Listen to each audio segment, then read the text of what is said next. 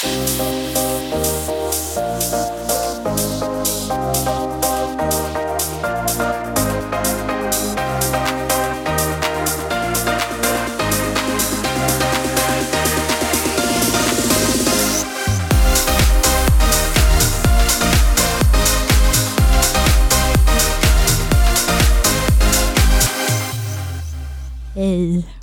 Oj, oj. Gud, du blev väldigt skakig på rösten. Ja, är du lite nervös? Ja, nu är jag lite nervös idag. Mm. Nej, det är jag inte.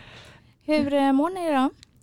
Jo men det är bra. bra. Du höll nästan i micken där också. Gjorde jag? Så ja, ja, jag var så stabil på den. Jag vill bara säga, mm. alltså, jag har en helt ny känsla i kroppen. Ah, okay. Jag har ju, eh, alltså sen, eh, alltså, ah, okej okay, hur ska jag säga det? Jag har ju varit gravid och fått barn. Och efter det så har jag nu i snart, nästa månad så har jag tränat två gånger i veckan i ett halvår. Mm. Och det har jag aldrig någonsin gjort i hela mitt liv. Ja, förutom när jag dansat mycket, men då, det är ju länge sedan nu. Mm. Och då har jag ju tränat liksom anpassat för liksom postgraviditet och sånt där. Men idag tror jag att jag har träningsvärk i magen. Mm. Det är en känsla som jag inte kommer ihåg hur det känns. Nej. Men det känns så märkligt. Inte, du har ju tränat så himla mycket. Har du inte fått träningsvärk i magen förrän Nej, för man är ju försiktig med att träna magen Aha. för att magmusklerna ska gå ihop och sånt där. Eh, och man ska vara jätteförsiktig med, ja för magmusklerna säras ju och det tar ju det. lång tid innan de går ihop igen. Mm. Eh, och nu är det ju åtta månader sedan jag fick barn. Så att, alltså jag, jag, tror i alla fall att det är träningsvärk. men jag blir nästan osäker. Kul! Mm. Mm. Kul för ja. litet steg för mänskligheten. men och jag spelade padel häromdagen och har så himla ont i min arm. Ja, du ser. Då är jag otränad kanske. Nej. Ja. Eller är det lite så här, är... tennisarm? Ja, men lite. kallas. lite kanske. Ja. Men för att gå på dagens ämne kanske. Mm. Ja, vi ska inte prata träning idag. Det Nej, har vi nyligen gjort. Mm. Mm, exakt. Nej men idag blir det ju lite typ 2 diabetes igen. Mm. Mm. Och det tycker jag är kul. Mm. Jätte. Att få lära sig mer om. Verkligen. För att det är ju lite av ett okänt område för oss. Ja, så vi sa ju det sist att vi har inte pratat så mycket om diabetes typ 2. Och det är ju också för att vi har inte det. Och då blir man ju lite rädd för att prata om sånt som man inte själv har så mycket erfarenhet av. Det, är ju, mm. alltså, diabetes, det har vi också nämnt, att det blandas ihop och det är ju känsligt.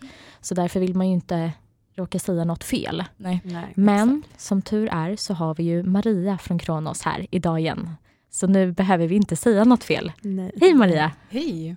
Välkommen tillbaka! Tackar, tackar! Hur mår du idag? Bra tack! Det är jättekul att vara här igen. Ja, ja. jättekul. Det tycker mm. vi också. Verkligen. Och om man nu inte har, vi har ju släppt en faktakvart med dig Maria. Mm. Men om man nu har råkat missa den av någon Fy, som helst anledning. Ja, exakt. Då får man ju för det första pausa och gå och lyssna på den. Men vill du bara säga snabbt igen Maria, vem du är? Och ja, Kronos. Jag heter alltså Maria Björklund och jag jobbar som diabetessköterska på Kronos Care. Och vi är ett företag som utvecklar um, digital diabetesvård och det gör vi alltid tillsammans med personer som lever med typ 2 för det är de som är de verkliga experterna. Så hos oss kan man boka och man får sitt eget diabetesteam och så kompletterar man med sitt uh, årliga besök på vårdcentralen eftersom man kan inte ta blodtryck och de här, vissa saker kan man inte göra digitalt. Mm. Men uh, man kan få mycket stöd med livsstilen och med uppföljning och vi har ju vår egen diabetesläkare också. Mm. Och vi har dietist också så vi, vi har vårt team här som man kan vända sig till. Mm. Mm. Det är ju så bra, för att speciellt också idag när man, liksom, man jobbar och man kanske inte kan ta sig iväg till läkarbesök och vi som har våra också regelbundna besök, ju, det tar ju ganska mycket tid. Mm. Det är ju superskönt att man faktiskt kan göra åtminstone delar av det digitalt. Ja, ja mm. så kan man välja sina egna tider också. Ja, man kan verkligen. ta den en helg eller en kväll eller sådär. Mm. Men har ni eh, haft, nu under covid, så jag har haft några läkarbesök digitalt på video. Mm. Just det. Har ni haft det också nu?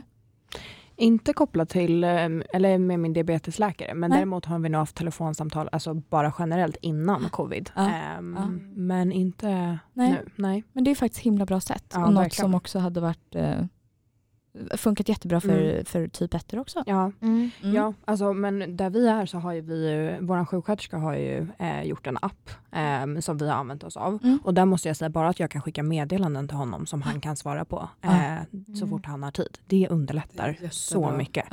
Än att behöva, ja, exakt, än att behöva gå via en reception och sen försöka få, så här, eh, liksom jaga ens läkare. Exakt. exakt. Mm. Är det någon funktion ni också har? Att man kan liksom chatta eller skriva till er eller sådär. Ja, Mm. och, och, och vi ser ju oss som ett komplement, det kanske jag sa, till Mm. primärvården så vi är inte konkurrenter. Så att vi vill ju helst samarbeta då med, det, med, Mm. med vårdcentralen också. Så Mm. att vi, men vi, vi fyller ju luckor där man inte hinner med i primärvården. Ja, Mm. Och ofta, det är svårt det här med livsstil att få till det ofta så man behöver, man behöver mer stöd Mm. än vad man kan tro. Mm. Mm. Mm. Gud ja, verkligen. Jag har förstått också som att det är, eh, alltså sjukvården ser lite annorlunda ut om man har diabetes typ 1 och typ 2 och att man har mycket mer eget ansvar som typ 2. Och då tänker jag mig att det är bra att det finns flera kanaler. Har jag missförstått då eller? Nej, men det stämmer nog ganska bra. Mm. Att det, så, det, det är svårt i, i, i vården idag. Alltså det var red, svårt redan innan covid Mm. och nu är det också ännu mer svårt då för att hinna med allting. Så, Mm. att, eh, så kan det vara mycket byten och så med olika personal och så. Och, Mm. Så att hos oss får man ju tilldela sitt eget team då. Mm. Mm. Så Men gud, Ja. nu blev jag så intresserad av just det här. Sjukvården för typ två år. Tyckte jag var väldigt intressant. Mm. Mm. För då, hur ofta går man på läkarbesök eller till sin sjuksköterska om man har typ 2-diabetes? ja, enligt riktlinjerna då så ska det vara ett besök per år till läkare Mm. och ett besök per år till diabetessköterska. Mm. Mm. Så två gånger per år är ju tanken då. Mm.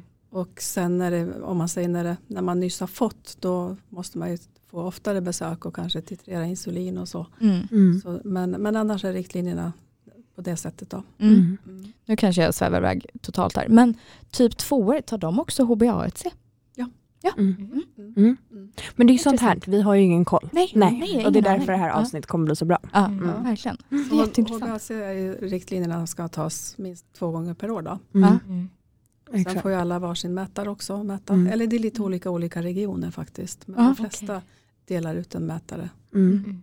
Och då måste jag fråga en grej om eh, HbA1c. Har man samma målvärden för en typ 1 och typ 2? Nej, det där är väldigt beroende på vilken ålder man är och eh, hur man mår i övrigt. Och, och Mm. så att, eh, och, och, till exempel på, på gam, en riktigt gammal människa då kan man vara lite mer tillåtande. Mm. Medan vi på yngre människor, framförallt idag då, som vi pratar om att det sjunker så i åldrarna, då Mm. är vi ju stenhårda. Mm. vi, för, förr i tiden, när jag började, då var det ofta så här, ja men det ska ligga runt 52. Mm. Det var liksom lite mer så här standard. Men nu, nu är vi inte på det sättet längre utan nu, nu sätter vi, alltså är man ung då ska man helst under 48. Mm. Men en riktigt gammal person som, som, som kanske har insulin, Mm. då vill vi inte pressa dem för hårt för då är det alltså risken att man hamnar för lågt och så blir det liksom ingen bra livskvalitet. Nej. Så då kan man hålla ett högre Mm. målvärde. Så att man, det är alltid individuella målvärden. Mm. Mm. Mm. Mm. Okej. Intressant. Mm. Mm. Men nu sprang vi kanske iväg här i Ja. våra frågor. Exakt. Men, Det är bra, det är sådana frågor som många har. Ja, och det är så himla intressant tycker jag. Men om vi backar tillbaka lite då. då. Ehm, Just orsaker till typ 2-diabetes, det var ju lite det vi pratade om i faktakvarten. Mm. Ehm, Att det kan vara mycket ärftligt, Ja. kom vi fram till. Mm. Mm.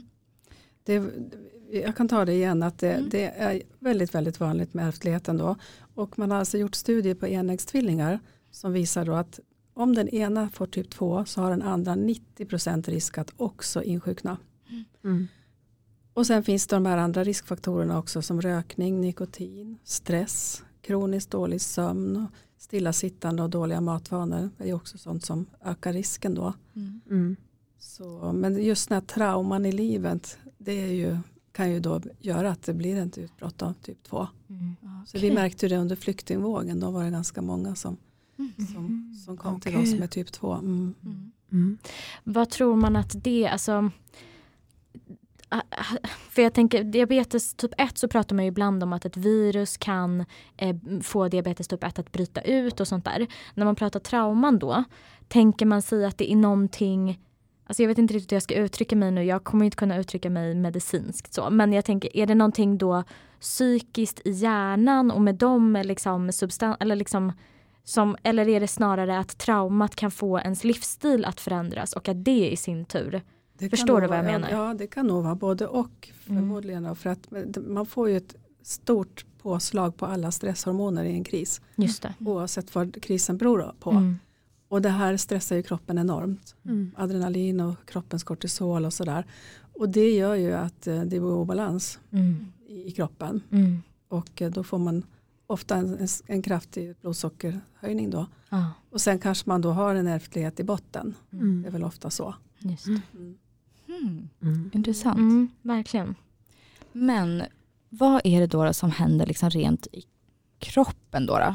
Du var inne lite på det nu sådär. Men vad... Mm. Då är det ju så att eh, vid en typ 2 då, så är det ju ofta kroppen som under lång tid har belastats då med höga blodsockervärden utan att man ens vet om det. Då. Mm. Och då börjar cellernas känslighet för kroppens eget insulin att minska. Alltså det, alltså trots att det då finns insulin i blodet, det är inget fel på det så att säga, men det blir ett signalfel. Och insulin, det är ju själva nyckeln som öppnar upp i cellväggen, det har ni säkert fått förklarat många gånger va? Mm. Ja. Och, och, och det gör alltså att sockret då som cirkulerar i blodet kommer in i cellen då för att kunna användas som energi. Mm. Och till en början så fungerar det eh, för bukspottkörteln producerar mer insulin och det hjälper liksom upp det hela för en tid. Mm.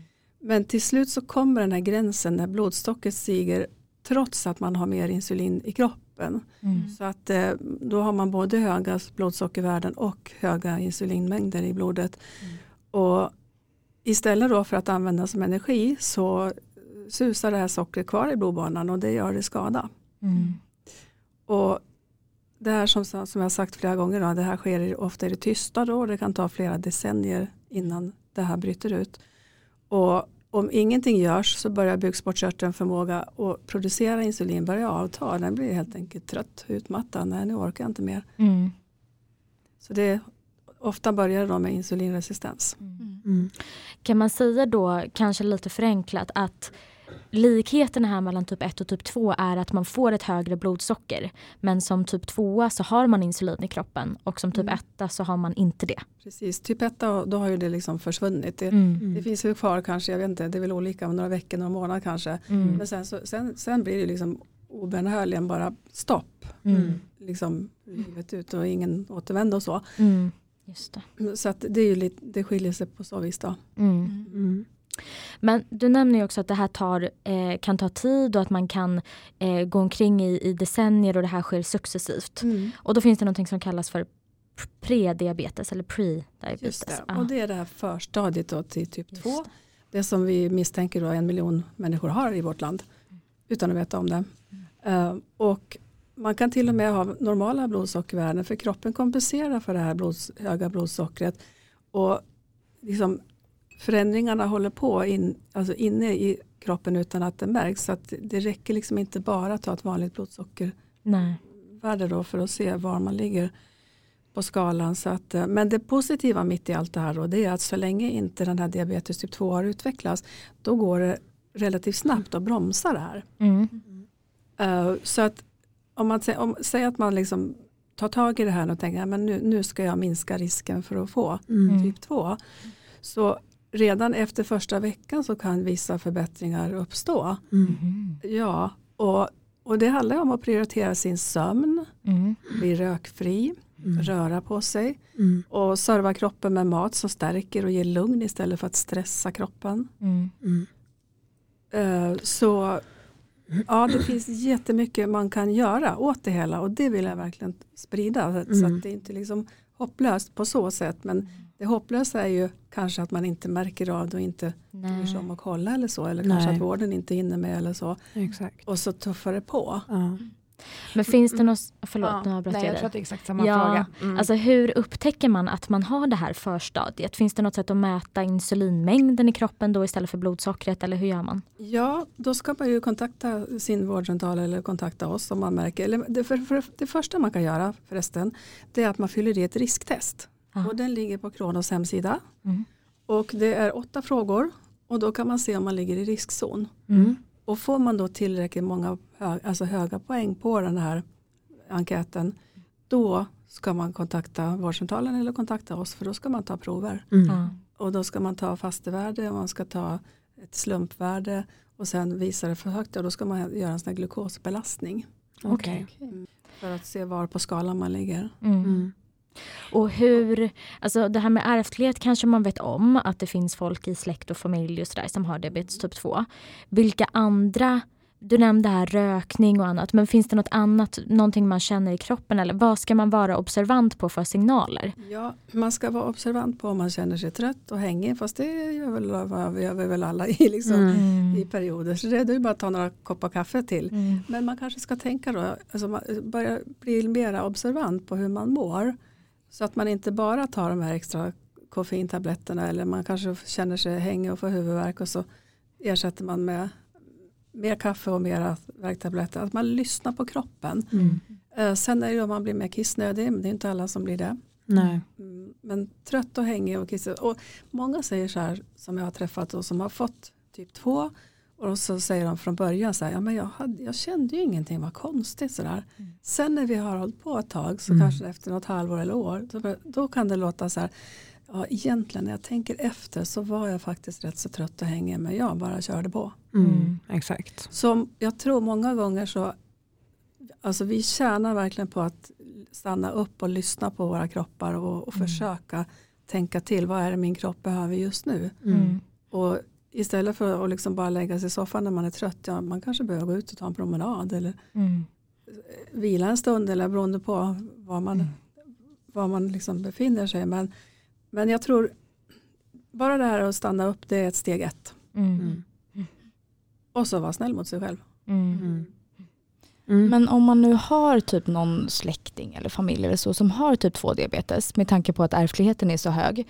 Tycker du då att man bör eh, ja, men ta, ta till sig de här råden om att liksom tänka på kroppen och börja liksom leva för att försöka förebygga det redan? Det, är det så pass stort? Ja, egentligen så ska vi alla göra det från mm. när vi är barn. Liksom. Ja. Mm. För vi, det är vi som är chefer för våra tusen miljoner miljarder celler i kroppen. Mm. Och är vi bra chef eller är vi en dålig chef? Mm. Det är liksom man ska ställa sig själv. Mm. Är jag den här som bara kör över en diktator liksom? Mm. Eller tänker jag till, alltså, men nu kanske ni behöver sova bra den här natten eller mm. kanske behöver mer frisk luft. Mm. Behöver lite mer pauser för återhämtning. Mm. Så att det här, bör, får jag som jag vill, då skulle vi liksom börja redan innan man finns i magen nästan. Mm. Alltså, det jag tror det här, det här är en samhällsfenomen att vi, liksom, vi, vi, vi har skruvat upp tempot så högt mm. så vi hinner inte ens lyssna på oss själva. Nej. Så det är väl något jag vill säga att ja absolut. Mm. Ja det är faktiskt väldigt intressant att du säger det för det som du säger, det gäller ju alla förstås. Mm, Inte alla. oavsett om man har diabetes typ 1 eller 2 eller ärftlighet och allt vad det kan vara.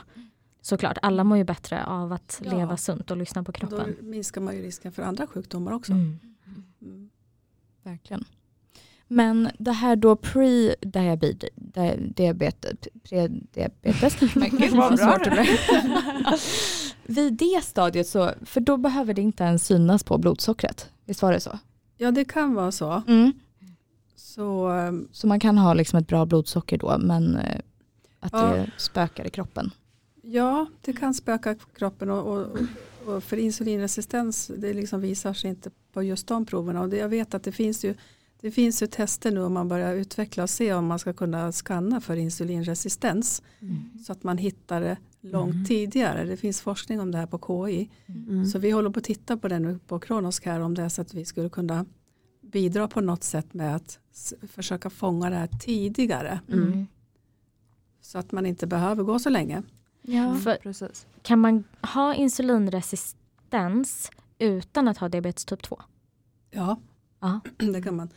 Insulinresistens kan man ha eh, det, och det är egentligen bara de som har det ärftligt som då får typ 2. Mm. Okay. Så går man med insulinresistens um, så kan man ju få andra jättetråkiga sjukdomar. Mm. Och det är ju då den största orsaken till utveckling då, typ 2.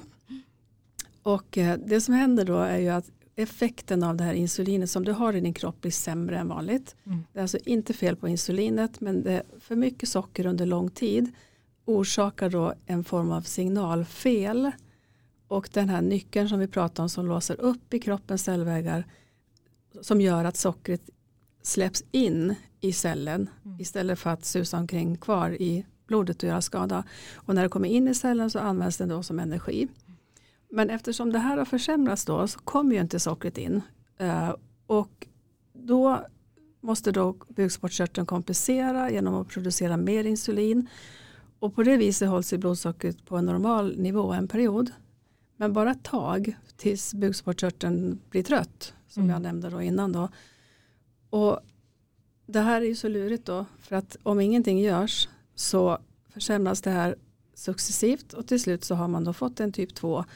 Och ibland så får man symptom som upptäcker det här lite tidigare då men alla får inte det. Nej. Och, det och det här kan ju upptäckas lite slumpartat då man kommer för en kontroll på något annat mm. mm. hos, hos en läkare då. Och så oj, här var det höga blodsockervärden. Mm. Ja, jag känner ingenting. Ja.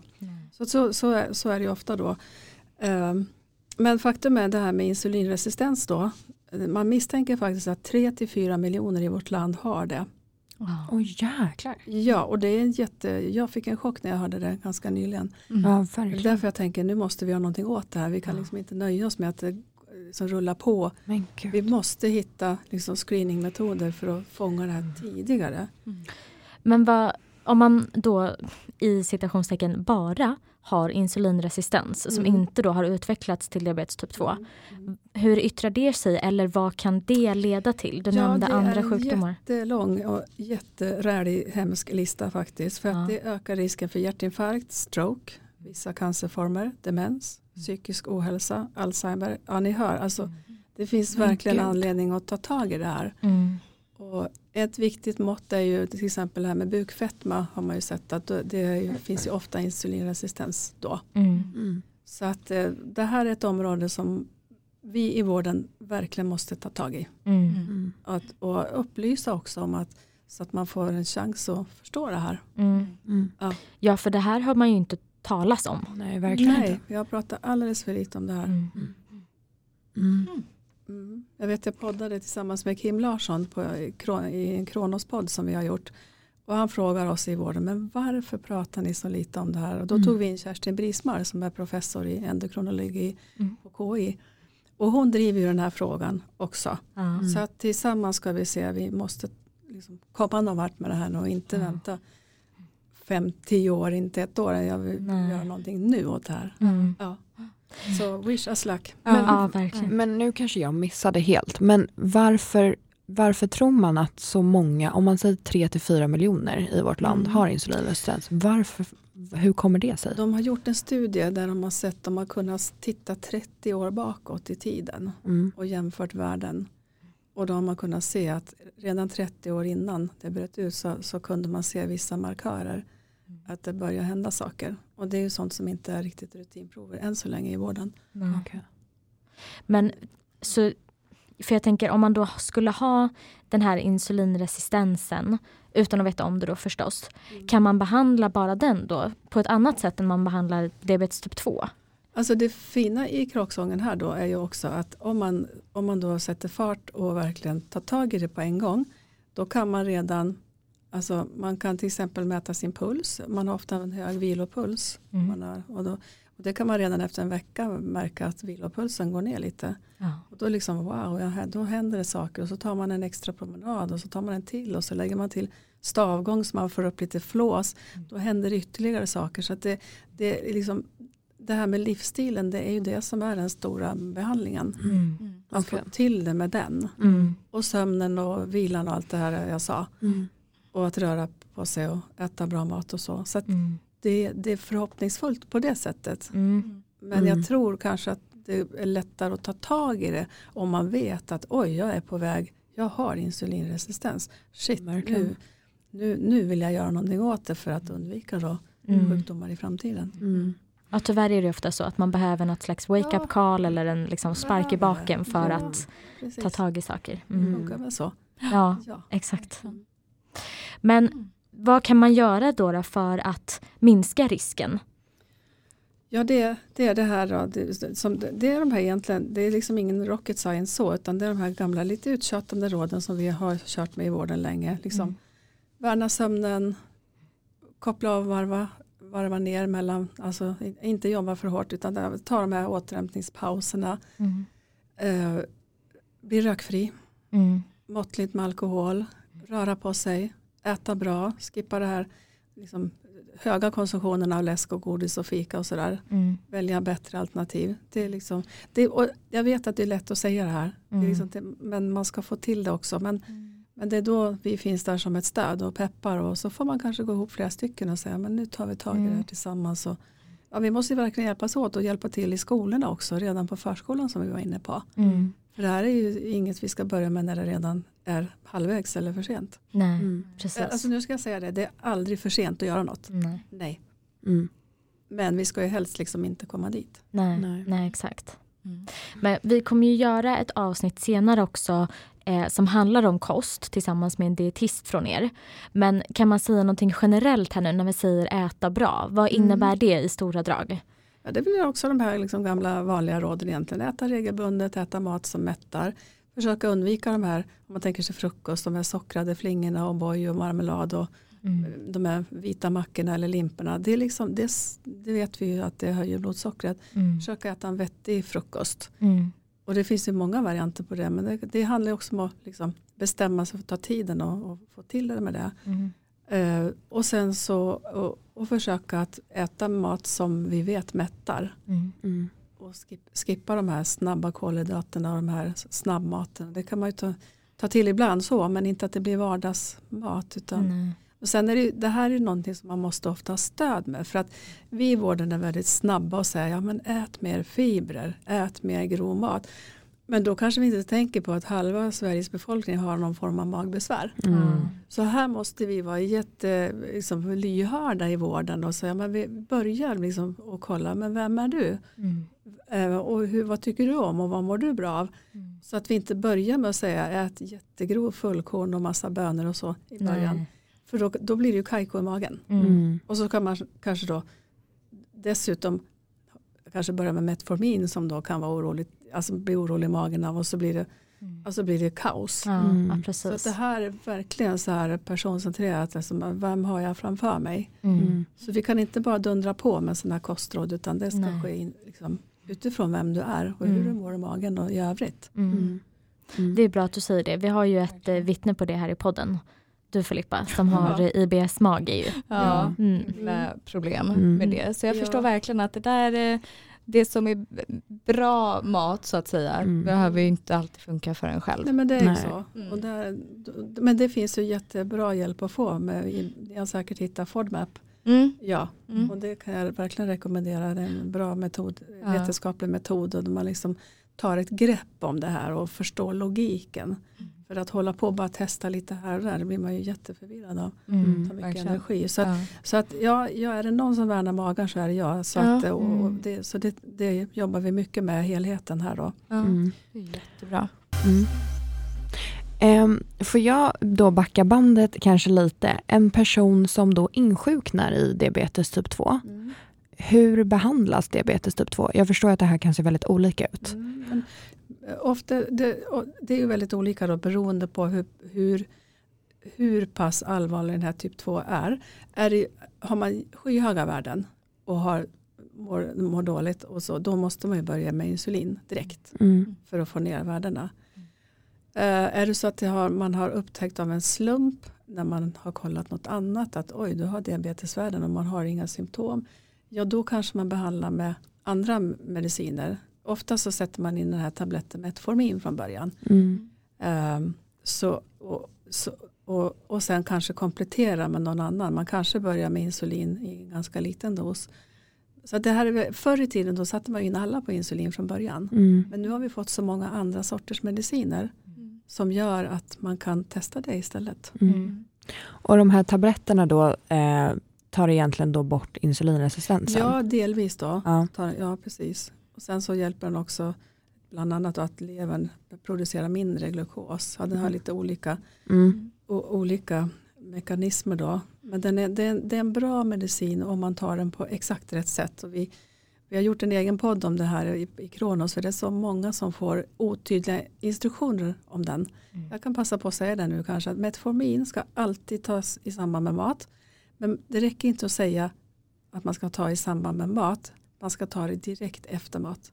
Mm. För man tolkar det där olika. Om man säger ja, men ta till maten. ja, då tolkar många det att man tar det före maten och sen äter man. Mm. Och då landar den på fastande mage. Mm. Och då kan det ofta bli så här uppkört och jättejobbigt i magen. Mm. Så därför ska man ta det direkt efter maten eller mitt i måltiden. Då. Just. Okej. Så det är små saker som kan göra jättestor skillnad. Mm. Bra att, tips. Ja, för Ja, det är en bra medicin men om man tar det på rätt sätt. Och är det så att det har kajkat ur och man har gett upp, vilket är ju mänskligt, vem vill gå med sån där jättejobbig mage och springa på toa. Då, då brukar vi hjälpa till att göra en omstart. Mm. Mm. Och då, och då mjukstartar man så att man dundrar inte på med full dos på en gång. Utan bara en liten ökning i veckan. Det måste få ta sin tid. Mm. Och då är det, då är det många som kan ta den i alla fall. Mm. Och den går man inte upp i vikt av. Nej, Nej. Det är Mm. Till skillnad från insulin. Då. Mm. Mm. Mm. Ja, Kan för är det det- det som är anledningen till att man helst då vill börja med andra läkemedel än insulin? Mm. Ja, plus att man slipper det här med risk för hypoglykemi. För det är ju alltid något Just vi, det. vi Mm. vill undvika. Mm. Ja, det förstås. Det kanske Ja. är svårare att dosera. Ja. Mm. När vi pratar lite grann om behandling, vi kommer säkert djupdyka i det också längre fram, men vi har fått en fråga här hur ofta en person med typ 2 får CGM eller insulinpump. Mm. Uh, enligt riktlinjerna då så, så, eh, så är det ju typ ett som ska få. Mm. Alltså den här eh, Freestyle Libre, det var det ni tänker på va? Ja precis, Ja. CGM, alltså Ja, någon CGM, form av ja, kontinuerlig okej. blodsockermätning. Precis. Eh, men i vissa regioner så, så kan man få den faktiskt om man har eh, ett nu ser det nog lite olika ut i olika regioner. Men nu kan Mm. jag tala om från där jag kom senast ifrån, från Sörmland. Då. Där får man det om man har ett HbA1c över 70. Mm. Om man ofta har hypoglykemier. Mm. Om man har fyrdos insulin. Okej. Mm. Eller till exempel kanske har någon cancersjukdom och någon behandling och så. Så att det, i, i undantagsfall så kan man få den. Men Mm. det där är olika så jag kan inte tala för hela, alla, Nej. hela Sverige. Nej. Nej, det är också bra att säga det, att vården faktiskt kan se olika ut i olika regioner. Ja, det har vi också återkommit till ibland. Men Ja, det är bra att påminna om. För vi kan ju lätt få ett Stockholmsperspektiv eftersom vi tre bor i Stockholm och får Mm. vår vård här. Men eh, det är bra att säga. Mm. Men kan också en behandling vara att ändra livsstil?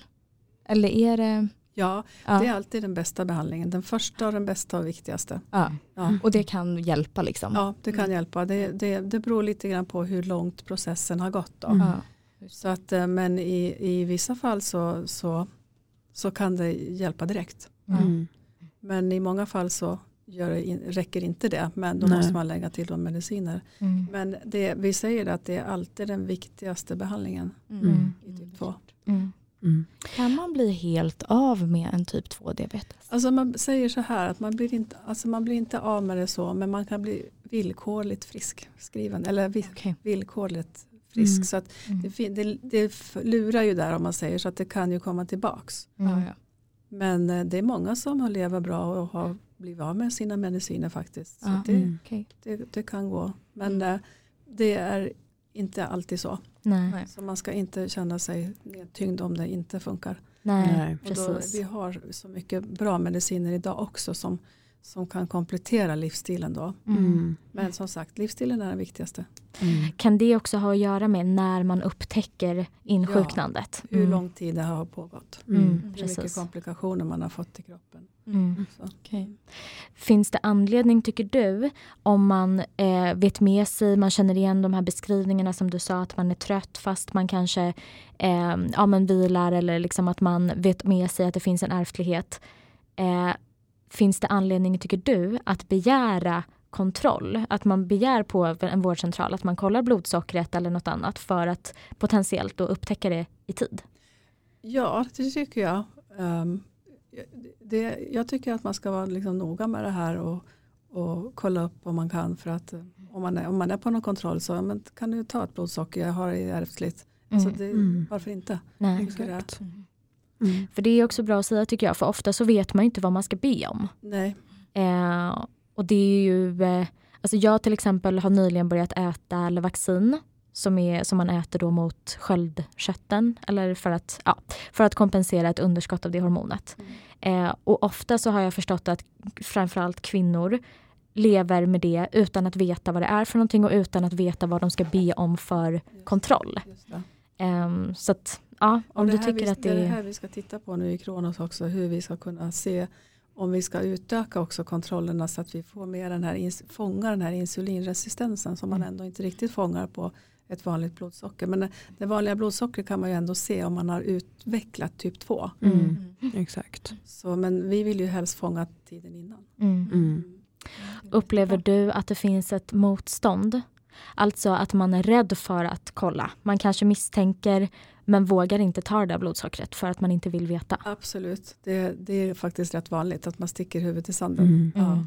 Vad, vad ska man säga till dem? Alltså vad, jag vet att det här är supersvårt och det går inte att generalisera men i din erfarenhet som sköterska, vad, ja.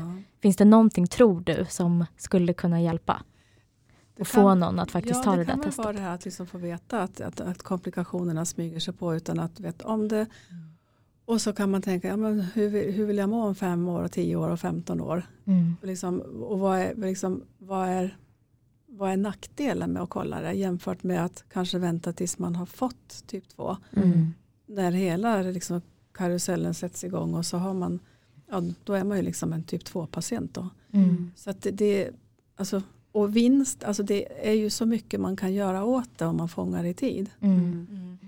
Mm. Ja och det är ju det är ändå motiverande. Ja. Ja. Exakt och det är ju hoppfullt, det är hoppfullt. att det finns eh, så mycket man kan göra. Ja. Mm. Och det är hoppfullt även när man har fått en typ 2 som, är, liksom, som har gått långt för att idag har vi så bra medicineringar jämfört med tidigare när det bara nästan fanns insulin. Mm. Så att det, eh, det är väl verkligen vårt budskap att det, är alltid, det finns alltid hopp. Mm. Ja. Det är jättebra. Mm. Men nu sitter jag och klurar på en annan fråga här. Eh, som är helt, något helt annat. Eh, en typ 1 diabetiker, vi alltså, vi kan ju gå liksom från noll i blodsocker till jättehögt. Mm.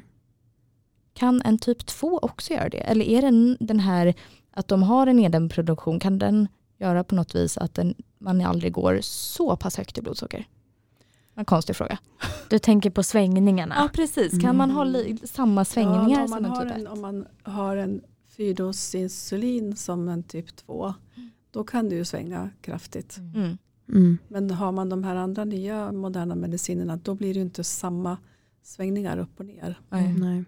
Men så en person med typ 2 diabetes kan inte av själva diabetesen få lågt blodsocker utan av eget taget insulin det får man eget lågt. taget insulin, mm. ja. Eller om man glömmer helt bort att äta. Mm. ja. ja. Mm. Så att, eh, och de här nya medicinerna de ger ju inte heller för lågt. För att de känner av. Så att om, om, mm. om man ligger för lågt, ja då, då Mm. Insulin, har, har, du tagit insulin så har du tagit det. Mm. Och då är det ju det där tills det liksom absorberas. Mm. Så. Men, men de här nya de känner av. Så att man, får inte, man får inte hypo på det sättet. Wow. Det är fantastiskt. Så det, är, det, är, det är stora framsteg så. Mm. Mm. Verkligen. Och sen finns det ju biverkningar med alla, risk att man kan få vissa biverkningar av alla. Mm. Men eh, de är förhållandevis låga ändå. Mm. Mm. Så det. Gud vad bra. Ja. Gud vad spännande. Mm. Vi kan ju säga det också i det här avsnittet att vi kommer ju återkomma till vad man faktiskt ska göra om man har fått diabetes typ 2 och vad det innebär. Så att vi kommer återkomma till allt det här. Men jag tycker att det är väldigt skönt kanske att kunna avsluta ändå så optimistiskt och hoppfullt att mm. det finns så mycket man kan göra själv och att medicinerna är så bra. Ja, mm. Gud, det, är, det är väldigt bra. Mm. Ja. Får jag ge tips innan vi avslutar? Mm, jättegärna. För att få förståelse för det här, hur vi funkar sådär. Och eh, varför vi reagerar som vi gör och varför det var så svårt att komma igång och röra oss och varför det är så svårt att välja bra mat och allt det här. Mm. Så om, har ni läst den här Depphjärnan, boken, Anders Hansens bok Depphjärnan? Nej, nej inte den. Nej. Varför vi mår så dåligt när vi har det så bra. Heter den. Ja, den är så jättebra för den ger förklaring till hur liksom, evolutionen har format oss. Mm. Så att vi är mm. egentligen gjorda för att vara lata och äta så mycket vi bara kan så ofta vi bara kan för att spara energi. För när vi var, liksom, levde på jägarsamlartiden då, mm. då, liksom, då var det på liv och död att vi liksom, hade energi så vi skulle klara oss. Mm. Och idag så är det ju bara liksom, vi bara grab and go hela tiden. Så att, och våra kroppar har liksom inte ändrat sig på de här flera hundratusen eller så, den här långa, långa tiden. Så då får man lite förklaring och så känner man sig inte så dålig heller. Ja, men det ligger mm. i våra gener att vi ska mm. lägga oss på soffan. Mm. Och vi ska käka praliner varje hela dagarna. Liksom. Så det är en jättebra bok, jag vill verkligen tipsa om den. Mm. Gud vad spännande. Ja. Bra tips. Mm. Men med det kanske vi avrundar för idag då. Mm. Och sen som sagt kommer vi komma tillbaka till det här. Det, det bara strömmar med frågor i mitt huvud ja. som jag kommer mm. anteckna ner. Ja. Um, och om du som lyssnare har några frågor så skicka dem gärna till oss så kommer vi kunna ta upp dem. Mm. Eh, på vår Instagram når man oss kanske enklast, Tre liv med diabetes. Mm. Och stort tack till dig Maria. Tack själv för att jag fick komma.